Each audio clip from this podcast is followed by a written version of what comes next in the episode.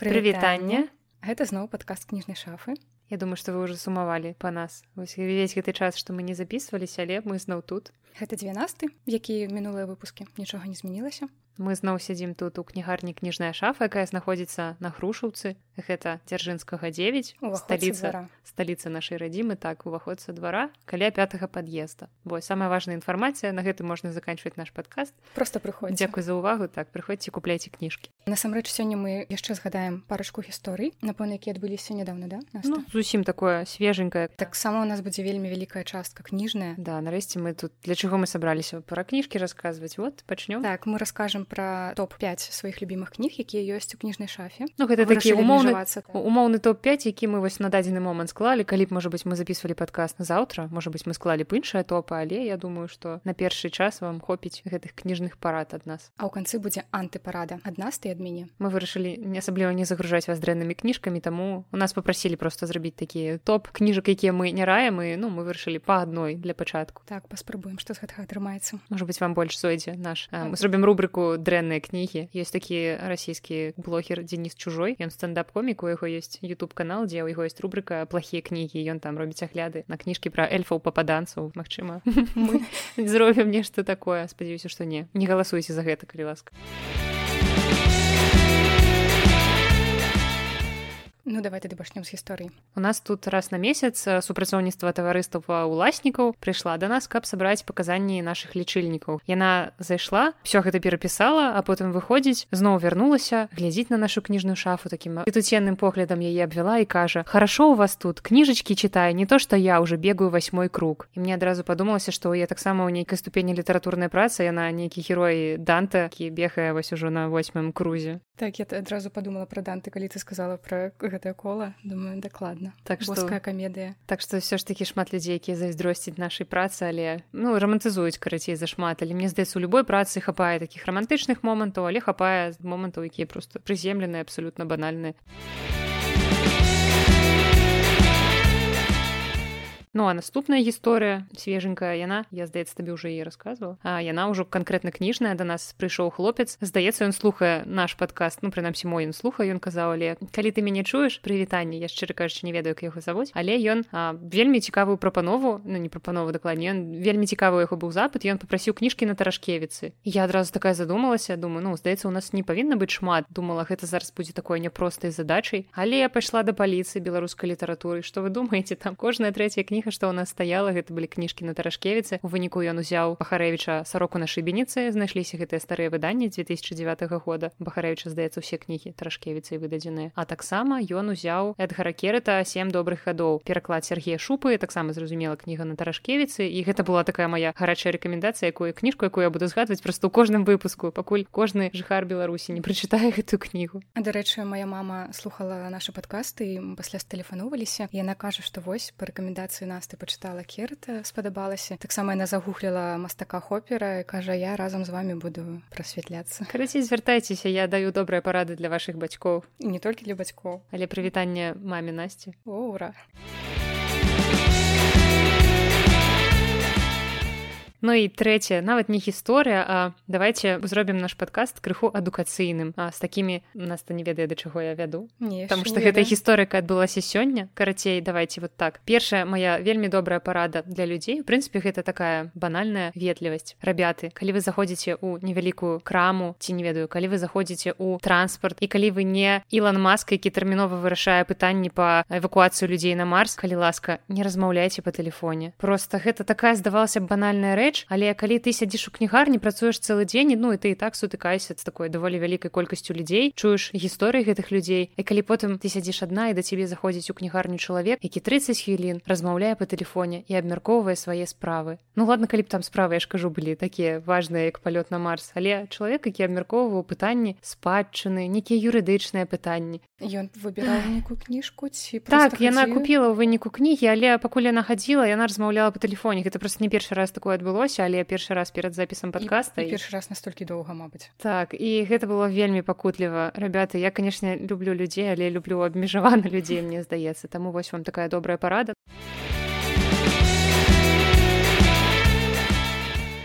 я згадала гісторыю калі аднойчы да нас заходзіў хлопец ён даволі часта прыходзіць і выбірае нейкія кнігі пасля купляе збольшага гэта класіка альбо плевен і вось гартаючы адну з кніг ён я чую гук як нешта падае на падлогу. Ён кажа у вас тут анёл упаў падыходжу туды паглядзець я думала гэта глыбокая метафора у вас тут анёл анёл упаў так. это ну, падкат падкат. Ну не ведаю не ведаю. Слухай адкуль узяўся там гэты анёл? Вось гэта пытанне мяне турбуе. Прычым кніжка была падкат на больш высокім узроўні ад выдавецтва можа быць бо кніга была даволі старая А што за я вось не памятаю. Пілевен з нейкіх вось гэтых наших ранніх так? Так нешта з ранніх. Карці не памятаю не надта папулярны твор. І вось ён разгарнуў паў гэты анёл і цяпер гэты анёл ляжыць на ахоўвае на паліцы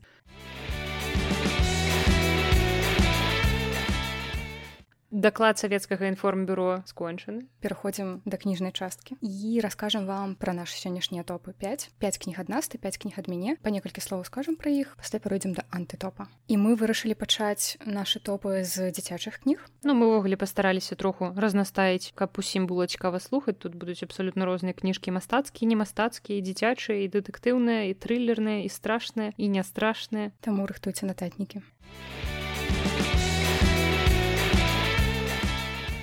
першая кніга з майго топа гэта дзікія суседзі яе напісала і намалявала у лірыка кестера гэта шведская пісьменніца і мастачка. Кніга пра тое як трусік купіў сабе летні домік прыехаў а там побач былі чатыры дзікія коткі. Яны бясіліся і казалі што вось просто тут жывуць і нават не плацяць за аренду і каб уціхамірыць звяроў трус вынес ім буракоў. І вось гэта мой самы любімы момант у кнізе. Тут такія яркія ілюстрацыі як гэтыя дзікія коткі ўгрызаюцца у буракі. І фраза про тое што аскалі в зубы кошки набросілі набросілись на свеклу тому что трусик сказаў что вегетарыянская ежа вельмі карысная. Але яны не сталі больш спакойнымі ад гэтай стравы і пачалі дурэць яшчэ больш. Тады трусик вырашыў что трэба з гэтым нешта рабіць і маці параіла яму запрасіць іх на свята. Ён арганізаваў вячэру танцы музыка ўсё як трэба. І ўрэшце рэшт пасля вячэры сталі танцаваць і весяліцца і гэтыя коткі ператварыліся у мяккіх ласкавых маленькіх. І гэта вось такая гісторыя про тое ну для мяне про тое что ежа музыка і танцы гэта тое што яднае і тое ад чаго жыць становіцца лепш я просто подумала што ён іх карміў буракамі а мог бы просто прыгатаваць боршч я думаю што коткі сталі падразу такімі ласкавымі коцікамі і мяканькім ну просто украінскія коткі і сала кішки я просто убачыла ілюстрацыю якую нас вось разгарнула на той старонцы дзе кошки совсем азверелі я бачу гэта надпісы яны там реально ўгрызаюцца ў гэтыя буракі вам трэба гэта бачыць так, да, это просто выдатна а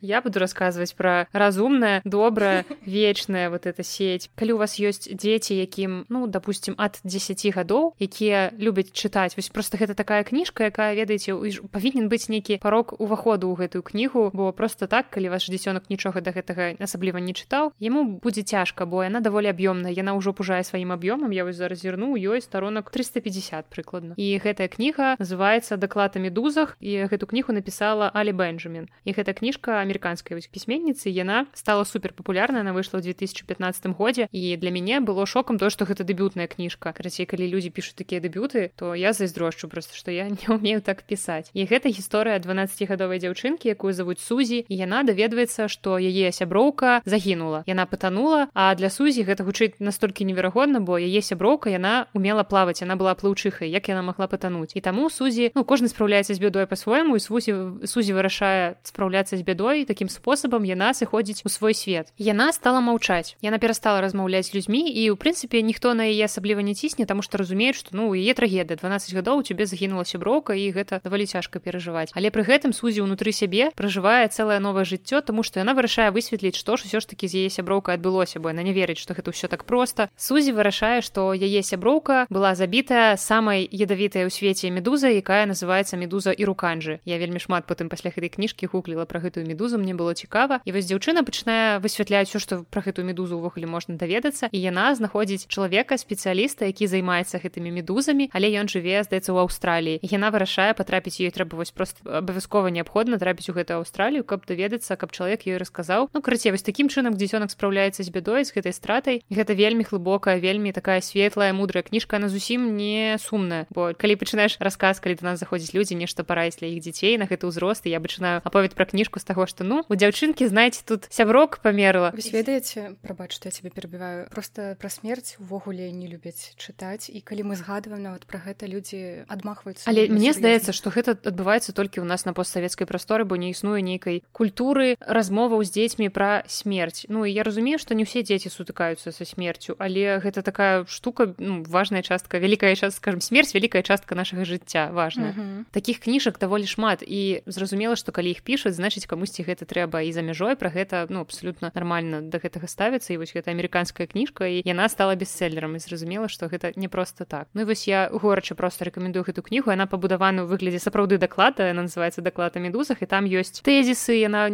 пэўная ёсць метады даследавання на вось так оформлена даволі цікава. І у самом пачатку гэтай кнігі акурат напісана любазнательным дзецям которые есть павсюду і вось сапраўды я вельмі раю гэту кнігу дзецям якія любяць чытаць якія любяць даведвацца нешта новае якія заўсёды ў пошуках нейкіх новых ідэй і нават калі вам ужо далёка не 12 а калі вам ужо побольш годзікаў то я все роўна раю вам прачытаць гэтую кніжку на вельмі светлая вельмі глыбокая яшчэ одна кніжка пра смерць. Так уж атрымалася. Яна таксама умоўна дзіцячая але будзе цікавая і не толькі дзецям. Называется утка смерці тюльпан кніга нямецкага мастака і літаратара якога завуць вольф эрльбрух і ён адзін з тых хто скептычна ставіцца да таго каб падзяляць кнігі паводле ўзросту альбо паводле мэтавай аўдыторыі. І так і гэтая кніга якая напісаная у першую чаргу як вынікае з назвы пра смерць бо там галоўнай героі качка і смерць менавіта як такі перс персаніфікаваны персонаж з касой у плашчы так, чор але яна намаляваная вельмі прыгожа калі вы недзе пабачыце гэтую кніжку пагартайце. Там чытаць нядоўга і яна чапляе. Ну прынамсі яна настолькі мяне зачапіла што калі я прачытала яе тут у шафе я просто плакала. Неяк так трапіла под настрой мабыць пад нейкія ўнутраныя перажыванні Ну з чаго гэта ўсё ўвогуле у аўтара пачалося. Як ён згадвае у дзяцінстве ён задаваў нязручныя так бы мовіць пытанні дарослым. І яны альбо адмоўчваліся альбо неяк туманна адказвалі просто адмахваліся ад дзіцёнка і ён не разумеў у чым прычына. І вось калі ён вырас стаў прафесарам ён вырашыў што будзе пісаць і для дзяцей і для дарослых і пісаць так каб шчыра размаўляць з дзецьмі у тым ліку на нязручныя тэмы. Над гэтай кнігай ён працаваў 10 гадоў. Гэта супер папулярная кніжка у нас у кніжнай шафе тому што яна сваёй вось гэтай незвычайнай назвай выклікае адразу цікавасць людзей мы афармленне так мы яе паставілі спецыяльна ў нас за спінай каб чалавек які вось напрыклад купляе кнігу мог падняць вочы убачыць гэтую кнігу і зацікавіцца ёй адразу і дарэчы ёсць яшчэ невялічкі мульцік Мабыць нават не ў адной варыяцыі і спектаклі здаецца ставілі такія маленькія можна ў інтэрнэце ўсё знайсці і асабліва калі ось я паглядзела гэты мульці па-нямецку просто перадаем прывітанне аднаму там перакладчыку ён ён зразумее да. што гэта прывітанне яму も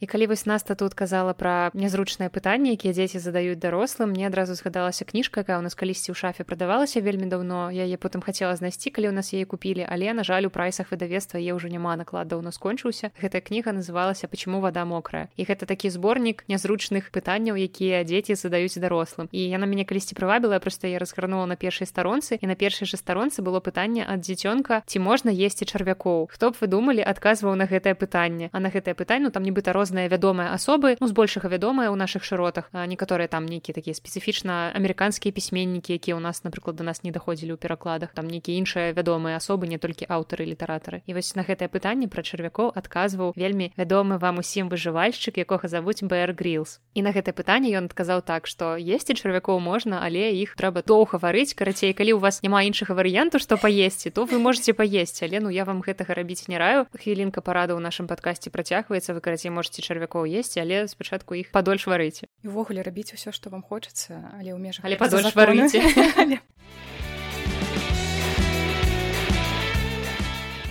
А цяпер мы пяройдзем у катэгорыю нон-фікшн і спачатку на правах рэдактара я вам параю кніжку, якую я рэдагавала, карацей тут все куплёна, ніякіх чэсных водгукаў, толькі ўсё рэкламнае. Але вось ёсць такі украінскі літаратуразнаўца Расціслаў Сэмкіў, які піша шыкоўныя кніжкі літаратуразнаўчых. нават складана назваць літаратуразнаўчымі, таму што яны не для літаратуразнаўцаў, яны для людзей, якія проста цікавяцца літаратуры, якія хочуць даведацца больш пра сваіх любімых аўтараў, але пры гэтым ну, не валодаюць нейкімі там філагічнымі адукацыямі. І гэтая кніжка кніга называется як пісалі класікі яна выйшла ў беларускім перакладзе некалькі гадоў таму выдавестве нушкевич і я была рэдактарам гэтай кніжкі і пераклада з украінскай які зрабіла Наталка бабіна і гэта вельмі клёвая кніжка у якой аўтар раскрывае сакрэты ён сапраўды расказвае про то як пісалі класікі тут некалькі аўтараў узгадваецца гэта марыя варга сльёса умберта эка мілан кундера курт вонахуд рэй брэдберы джордж орвел і агата крысці. І ён расказвае про тое як пішуць гэтыя аўтары. Прычым сутнасць кніжкі вельмі класная ў тым што ён пра кожнага аўтара піша трошку ў такім жа стылі як сам пісаў гэты аўтар. Ён можна сказаць падстройваецца пад кожнага з пісьменнікаў і такім чынам раскрывае іх сакрэты паказвае у чым асаблівасці бо у кожнага сакрэт свой. Ну нават калі вы будете следаваць гэтым парадам зусім не абавязкова што вы станеце пісьменнікам. Але прынамсі ўзяць на ўзбраенне некаторыя рэчы напрыклад як рэй брэдберы раю пісаць кожны дзень. Гэта просто супер парада гэта асноўная парада мабыць для пісьменніка бо каб навучыцца пісаць трэба пісаць. Гэту кніжку я вам горача раю. Мне здаецца на неяк прыйшла ў нас незаўважанай па-беларуску. Калі вы хочаце даведацца сакрэты сакрэты просто ўсе таямніцы вядомых аўтараў я горача вам рэкамендую гэту кнігу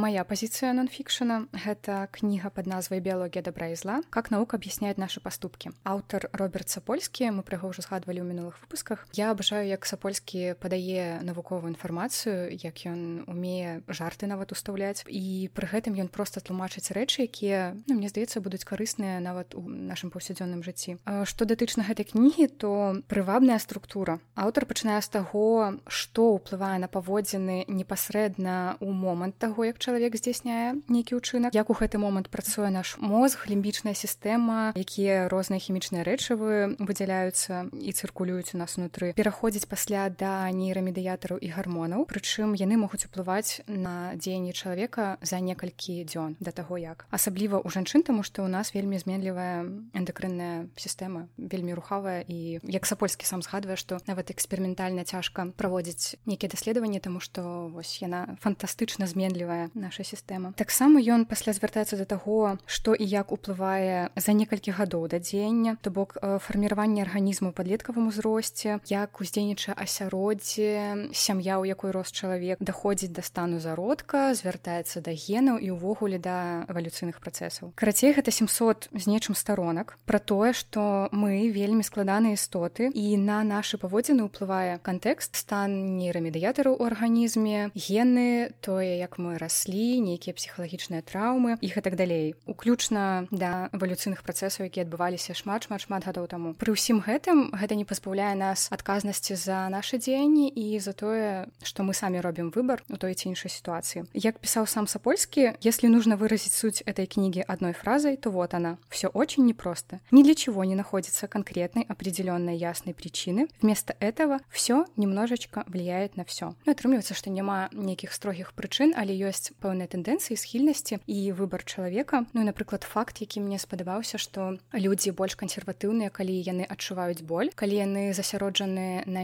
вырашэнні нейкай задачы альбо пад уздзеяннем алкаголю. І таксама забаўна што сябе мы судзім па ўнутраных намерах а іншых людзей па дзеяннях. Ты тут казала што жанчыну складана даследаваць бо іх mm -hmm. там все рухавае все хутка змяняецца і мне здаецца што гэта выдатная хлеба для сексісцкіх жартаў. Але іх тут не будзе але вы можете самі сабе прыдумаць. Я нават захацела гэту кніжку ўзяць. Яна ў мяне ёсць безмежна люблю сапольскі ён паслухаць так. яго лекцыі ягонай лекцыі ў стэнфордскім універсітэце бо ён сапраўды смешны Ну і карацей мне здаецца у кожным выпуску вы будзеце чуць ад нас бо мы яшчэ прачыталі некалькі іншых кніжак сапольскі і будзем у кожным выпуску вам по адной я згадала як прыходзіла на пасяджэнні кафедры калі вучылася ў аспірантуры. Трэба было трошки пачакаць напрыклад. Я вось чытала іншую яго кнігу Мабыць і думала сама сабе што вось я на філфаку але чытаю сапольскі ты павінна была з трохтомнікам мележа ў руках так. да сэрца прыкладзеным сядзець і ціша мякіна все пайшло все пайшло не так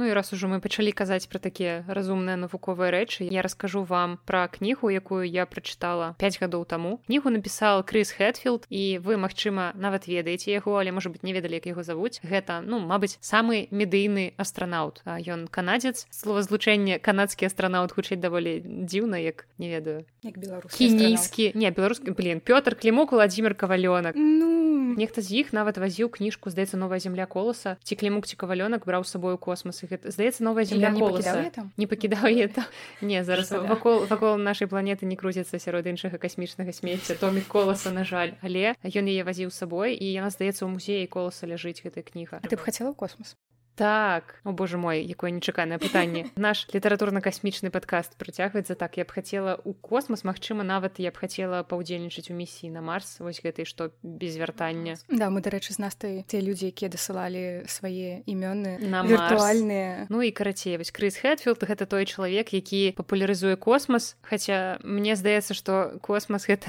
тая рэч якая ў наш час не патрабуе папулярызацыі бо я думаю усе хлопчыкі хочуць стаць астранаўтам. Не яны мабыць хочуць хочаце стаць я хочу быць як Ілон маск гэта звычайна не павінна сексістка ўстаўка номер два. Шорт, я сказала ўсе хлопчыкі извините я просто нарадзілася ў 93 годзе вось гэта ўсё яшчэ савецкае выхаванне так але вы можете быць кім заўгодна так. і, і любы заўгодна ваш пол можа быць карацей крыс хэтфілд калі быў маленькі ён як і як бы мільёны савецкіх дзяцей марыў пра тое што ён хоча стаць астранаўтам і калі ён быў маленькім ён назіраў як узляталі ў космас ён бачыў гэты ўсе рэчы і ён таксама хацеў быць адным з іх. І калі ён спытаў сваіх бацькоў бацькоў як бы што я могу зрабіць для таго каб стаць астранаўтам яму сказалі што ну ты можаш ужо зараз пачынаць гэта рабіць ну ён можна сказаць з дзяцінства сабе гэты шлях запраграмаваў і ён гэтай кнігай нам паказвае што многія рысы якія абавязкова мусіць быць у астранаўтаў імі можна карыстацца і ў паўсядзённым жыцці ён расказвае пра такія рэчы як умение вельмі вельмі рыхтавацца моцна да нейкіх важных рэчаў або умение работаць у камандзе бо калі вы напрыклад на якім-небудзь борце міжнароднай касмічнай станцыі знаходзіцеся год з аднымі тымі ж людзьмі прычым гэта людзі іншых нацыянальнасцяў абсалютна іншых там светапоглядаў і вам трэба разам быць камунікаваць неяк жыць не пазабіваць там адзін аднаго іх это ўвогуле вы знаходзіцеся нейкай шклянцы пасярод космасу просто што можа быць горш і для гэтага вам трэба мець пэўную ну псіхалагічную вытрымку скажем так. Таксама ён расказвае про тое наколькі важна мець вось гэты дух суперніцтва але каб ён быў такі абсалютна здаровы тому что гэта вельмі вельмі можа вам перашкодзіць у розных сітуацыях бо у космосе вам не трэба паказваць што вы горшце лепш за кагосьці вы ну разам працуеце працуеце над адной мэтай. Кэтфілд расказвае пра свой шлях у іх там гэта кніга раздзеленая на тры часткі на жыццё перад узлётам вось уласнасць дзяцінства таксама на сам узлёт як ён рыхтаваўся як ён паляцеў пабываў космосе Ну і апошняя частка гэта вяртанне на зямлю і як увогуле жыць на зямлі калі ты пабываў там і бачыў тыя рэчы я не ведаю гэта ўвогуле светапогляд Мачыма вельмі кардынальна змяняецца. І хэтфілд просто невераходна смешны дзядзька вы можете загугліць у яго куча ролікаў на Ютубе ён расказвае пра тое як чысціць зубы ў космосе реально паказвае гэта рабіць. Таксама ён вядомы сваім каверам песні дэвіда боу і спейсодзіці ён спявае прямо у космосе там з гітарай на там лёта у адсутнасці гравітацыі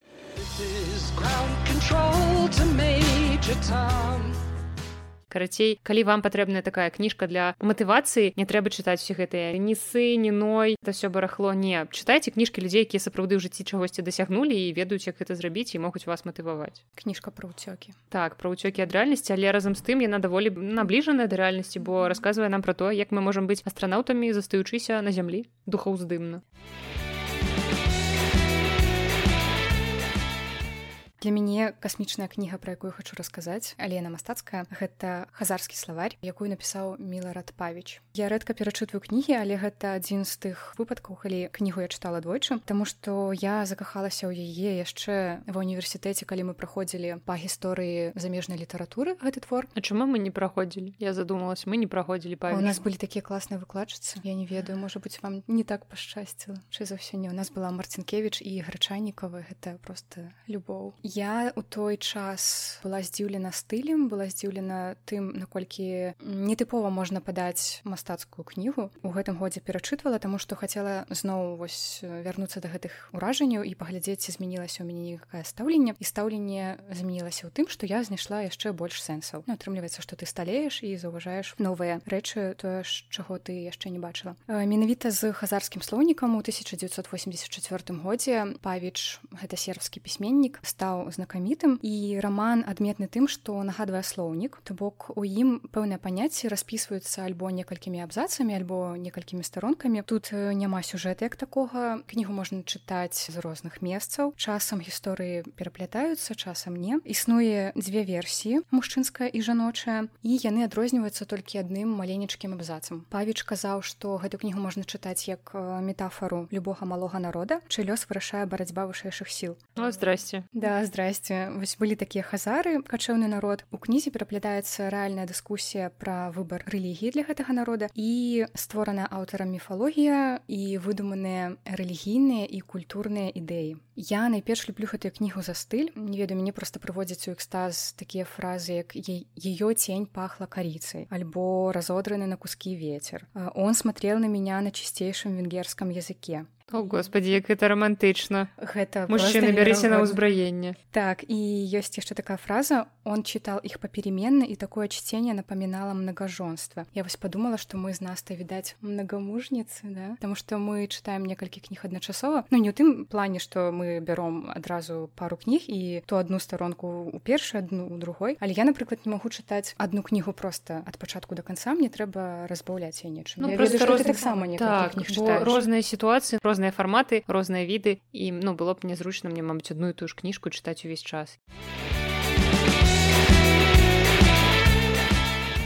я вам зараз раскажу пра класічны раман можна сказаць жыццё чалавека ад нараджэння да смерці нават троху раней. Ад моманту як яго бацькі пакахалі адно аднаго будзем гаварыць эўфемізмамі і гэта кніга аднаго з самых неверагодных таленавітых супер-пупер сучасных амерыканскіх пісьменнікаў якога завуць Джон ірвинг якога моя бабуля фанатка. Моя бабуля якой 88 гадоў знайшла на паліцыі кнігі Джона ірвинга іх там было штук 5 мабыць на той момант. І яна вырашыла што чаму не возьму іх чытаць чытаць. Моя бабуля перастала глядзець беларускае тэлебачанне і ў свае 88 гадоў яна чаргуе такія актыўнасці як чытанне кніг чытанне пераважна кніг Джона ірвинга і таксама яна разгадвае розныя крыжаванкі сканворды філворды вось гэтыя все магчымыя. І вось мы з ёй разам чытаем Джона ірвинга але гэта была моя першая кніга якую я ў ірвинга прачытала некалькі гадоў таму. Называется яна мир глазами гарпа таксама яна ёсць яшчэ ў назве мир по гарпу вось два варыянты існуюць і гэтая кніжка была экранізаваная. Калі вы любіце чытаць кнігі пра пісьменнікаў ці кнігі пра кнігі то гэта кніжка акурат для вас бо гэта роман пра пісьменніка пра жыццё пісьменніка. І гэта сапраўды такі вельмі аб'ёмны роман дзе расказваецца пра ўсё яго жыццё. Яго адбывалася столькі неверагодных рэчаў у жыцці. На ягоным шляху сустракаліся такія абсалютна неверагодныя людзі. І такая а, вельмі яркая рыса творчасці Джона ірвинга гэта персонажы у яго часам сустракаюць не часам яго ў кожным творы сустракаецца просто неверагодна каларытныя персонажы якія ты думаешь пра іх і думаешь что чорт ну не не магло б такога быць чалавека. А чым больш ты чытаеш гэты твор тым больш ты разумееш не ну ну ён бы асабліва не перабольшвае такія людзі сапраўды бываюць просто трэба іх заўважыць іх апісаць і так як гэта робіць ірвинг моя бабуля заўжды мне пакідае водгукі яна ўжо прачытала ўсе кніжкі ірвинга якія былі дома нават я столькі яшчэ не паспела прачытаць яна дала мне водгукі на ўсе і заўсёды яна адзначае што амаль у кожным творы а тым больш яна чытала іх запах это больш заўважна тэмы якія часцей за ўсё уздымае ірвинг напрыклад гэта тэма рэлігіі у ягоным творы сустракаюцца розныя рэлігіі і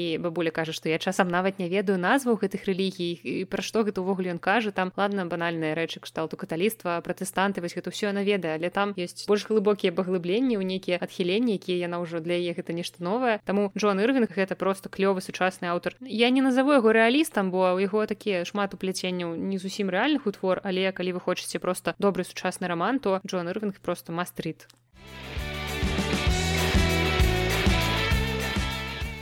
мастрит нас засталося по адной кнізе з нашага топ5 я хотела тут сказаць про сабак Еўропы бахарэвича але на жаль наклад ужо давно разышоўся ну бахарэвич просто моя любоў але я скажу про іншую кнігу гэта Ярослав жандович гаспадар ледзянога саду я чытала гэтую сагу атрымліваецца чатыры часткі ў кнізе. Я чытала по-руску пасля спрабавала чытаць по-польску нядаўна гады два таму так выйшаў першы том по-беларуску перакладзе Марыі пушкіна і Алена Петрович дык вось я яго вука драканіна адпраўляюць на планету якая называется мидгард. Каб ён выратаваў навуковую экспедыцыю ён трапляе на гэту планету а на ёй існуюць і магія і нейкія фантастычныя штукі увогуле гэты твор сам па сабе цудоўны прыклад таго як можна спалучыць фантастыку і фэнтэзі прычым такую сур'ёзную навуковую фантастыку калі вы чыталі саляры слема то мне вось гэта завязка просто неверагодна яго нагадала што вось чалавек накіроўваецца шукаць экспедыцыю сувязь якой знікла ён трапляе там на планету дзе ўсё жыве сваім жыццём вельмі падобна далема атмасферна прычым гэта ўсё зроблена пэўна на лепшым узроўні. У польшчы гэта атрымліваецца польскі аўтар. У польшчы гэтая сага прызнаная найлепшай фантастычнай здаецца кнігай дзесяцігоддзя. Да галоўная фантастычная кніга дзесяцігоддзя гэтага стагоддзя нашага. Яна сама па сабе вельмі прыцягальная трапляеш цалкам у новаствораных жандовічам свет. Пражываеш разам з гэтым вукам шмат прыгодаў. Яна мяне зачапіла менавіта тым што наколькі круто можна спалучыць фантастыку і фэнтэзі пры гэтым як заўсёды падаць нейкія універсальныя пытанні узняць паспрабаваць пэўным чынам вырашыць. Але яшчэ канцоўка мяне вельмі здзівіла таму што яна абсалютна непрадказальная для мяне гэта было такім шокам трошки мабыць. Адна з нямногіх кніг якую мы з настай разам прачыталі акурат і таксама я магу вам параіць жандовіча першы і другі том ужо выйшлі по-беларуску і таксама трэці том будзе ў наступным годзе ну і чацвёрты я спадзяюся. Да я бы я з задавальненнем перачытала. Буду чакаць беларускіх версій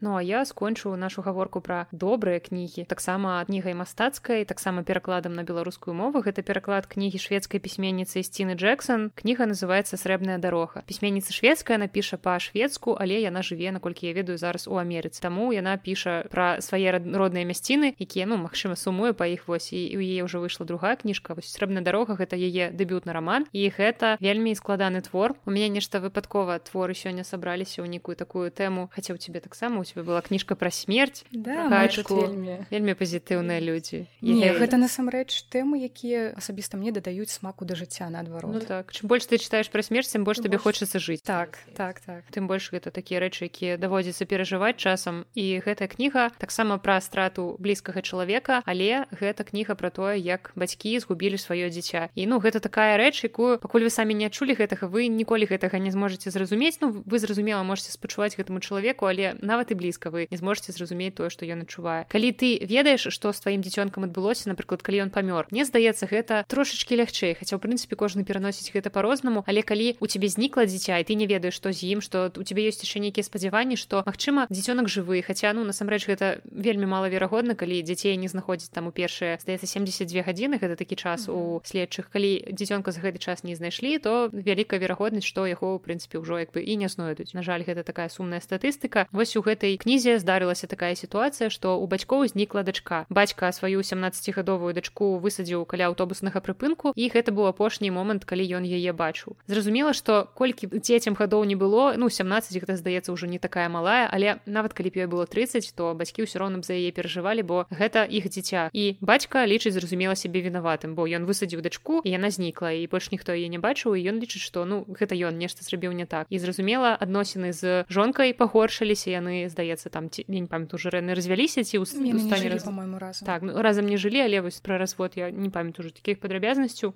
ужо тры гады прайшло з гэтай падзеі маці у прынцыпе ўжо з гэтым ну не скажем змірылася але прынамсі яна крыху гэта адпусціла а бацька ўсё яшчэ не змірыўся ён ездзіць по той жа дарозе па якой ездзіў вось гэта аўтобус там дзе ён пакінуў дачку і ён вось гэтая срэбная дарога гэта нібыта вядомае такое месца ў іх мясцовасці. І ён ездзіць і працягвае шукаць дачку ён апытвае людзей нейкіх знаёмых незнаёмых і ў прынцыпе усе так гэта ўспрымаюць што ну як бы калі яму ад гэтага спакайней то ладно няхай ездзіць. Хаця з жонкай пастаянна не спрачаюцца на гэты кон ён таксама з'явілася ў яго такая дрэнная прывычка ён даволі шмат стаў піць. Тут мы не можемм асуджаць чалавека калі мы не перажылі такое. Ж ну для яго гэта як бы адзін сэн жыцця. Цяпер ён ездзіць і вось я ў свабодны час ён п'е. Таксама паралельна гэтай сюжэтнай лініі ўзнікае новая і мы ўвесь час чытаем і думаем як жа яны звязаны паміж сабой? Бо там з'яўляецца лінія дзяўчынкі якая разам з маці пераехала ў іншую мясцовасць. Яны пастаянна пераязджаюць. Для іх это абсолютно нармальная рэч. І вось яны пераехалі нібыта да мужчыны з якім пазнаёмілася маці і дзяўчынка думае што ну нарэшце вось ўжо асядзем і ўсё якось пераплетаюцца паміж сабой гэтай лініі потым даволі цікава і кніга гэта гэта даволі просты дэтэктыў там ёсць гэтая сюжэтная дэтэктыўная лінія пра пошукі дзяўчынкі пра тое мы ўсё ж таки даведаемся хто гэта зрабіў як это адбылося і што адбылося але недзе на сярэдзіне кнігі вы ўжо зразумееце што да чаго вы будете стосоткава ну, вы будете уяўляць хто гэта зрабіў і ў канцы гэта толькі пацвердзіцца я напрыклад ну, доўга не думала гэта было відавочна але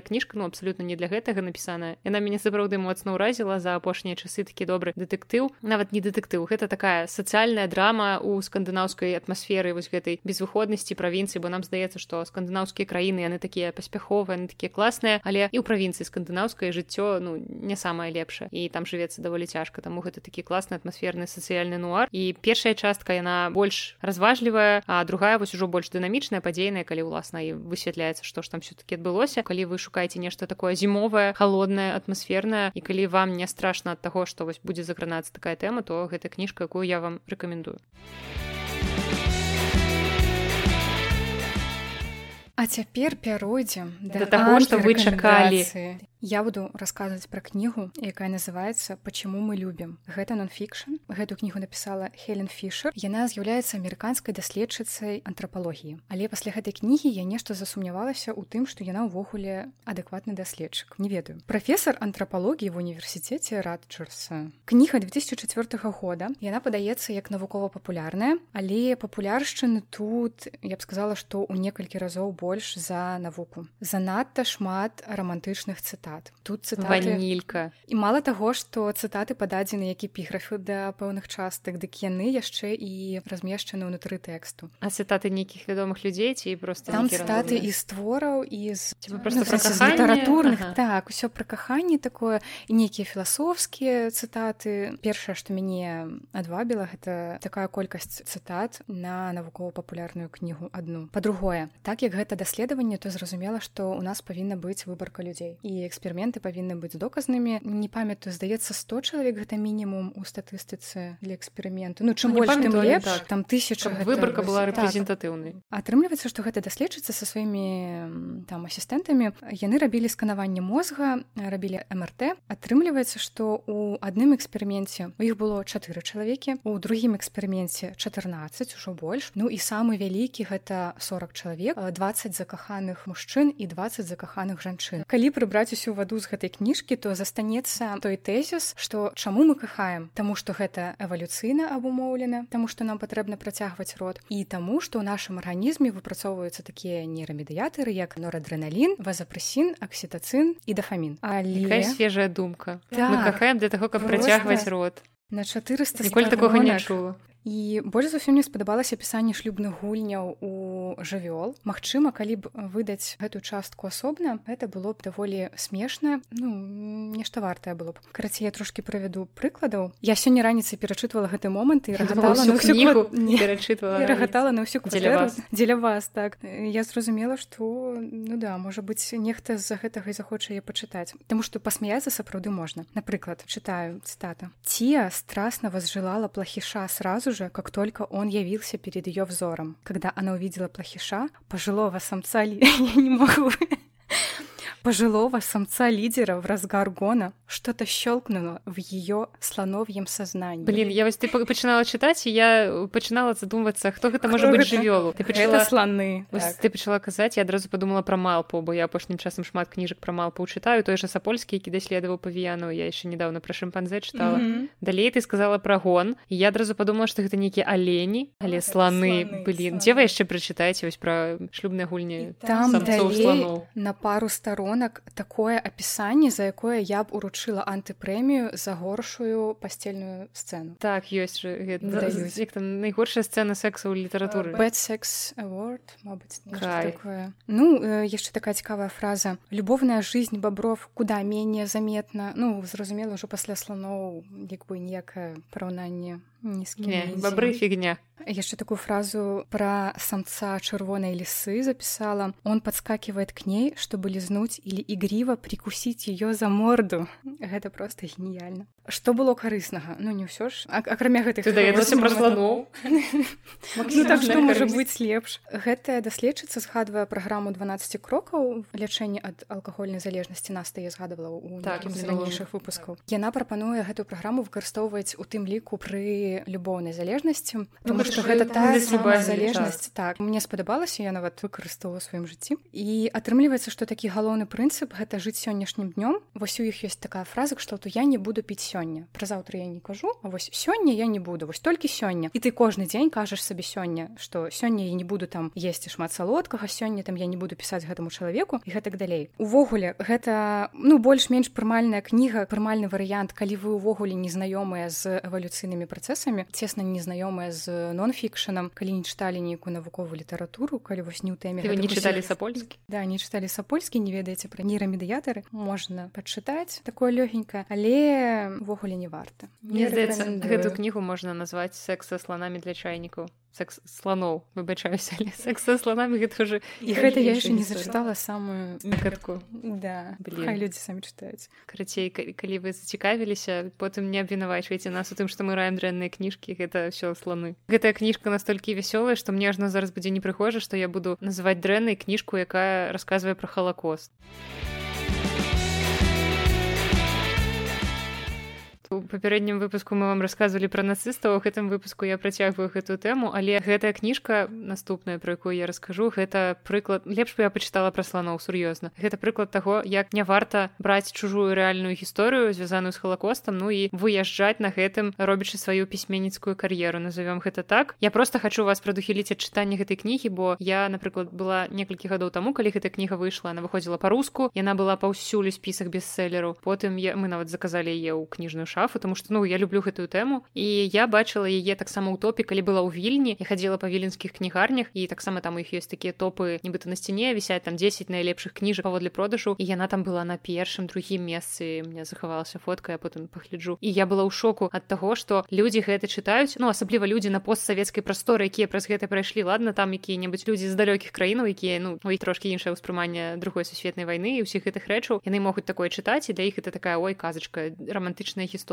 але для людзей з постсавецкай прасторы гэта просто было вельмі агідна кніга называется татуіровщик за свенцыма і яго напісала хезер морис і гэта рассказ про лале соколова гэта рэальна існуючы чалавек можете пагугліць яго сама гісторыя яна просто неверагодная паводле гэтай гісторыі можна здымаць фільмы пісаць кнігі але не такія кнігі карацей лале соколоў ён сапраўды быў татуіроўшчыкам у асвенцамі і на момант калі вось аўтарка хезер морис пазнаёмілася з гэтым лале яму было ўжо 87 гадоў і ён расказаў ёй гісторыю свайго жыцця ён не барака ён не ведаў просто каму расказвае. І яна гэтая хезер напісала паводле гэтай гісторыі кінасцэнарый а потым яна яго перапрацавала ў кнігу. Але мне здаецца што гэта кніга зусім не перапрацаваная таму што яна напісана абсалютна павярхоўна і ну праўда як кінасцэнарый глядзіцца і вось сама гісторыя гэтага галалея она сапраўды вельмі страшная. Ён э, славацкі габрэй і ў сорок другім годзе яго накіравалі ў асвенц. Ну, накіравалі так гучыць нібыта размеркаванне паводле універ. так але ён ну гэта мы насамрэч жартуем але гэта ўсё вельмі сур'ёзныя рэчы але ну мяне просто бомбіць ад таго наколькі ў кнізе гэта ўсё непрыгожа пададзена. І вось у асвенцамі высветлілася што лале добра валодае рознымі мовамі і таму лагеры яму далі працу татуіроўшчыка. Ён вось гэтыя нумары знакамітыя на руках вязняў канцлагераў. Ён іх там маляваў. І вось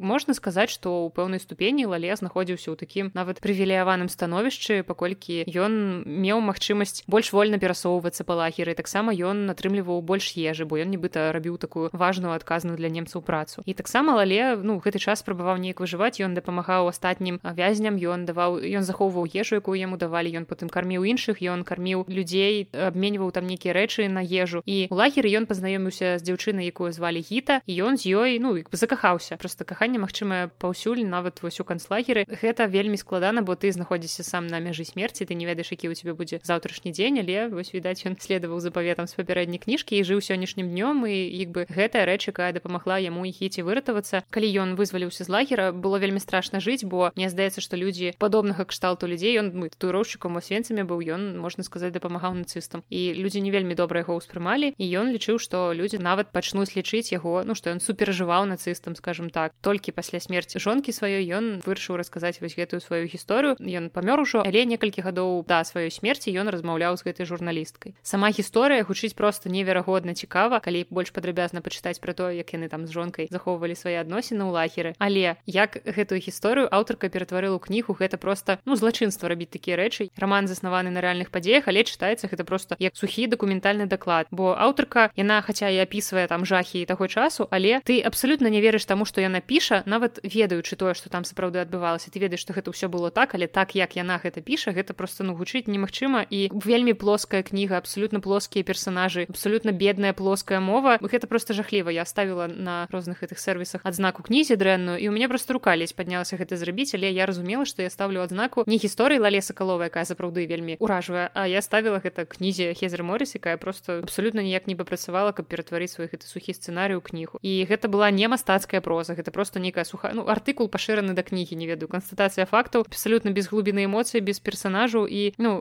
гэта неверагодна і я просто вам раю пачытаць артыкулы паглядзець фотаздымкі замест таго каб чытаць гэтую кнігу просто стараюся вас засцерагчы бо кніга паўсюль у спісе топаў людзі адумайцеся як кажа гэты остановитесь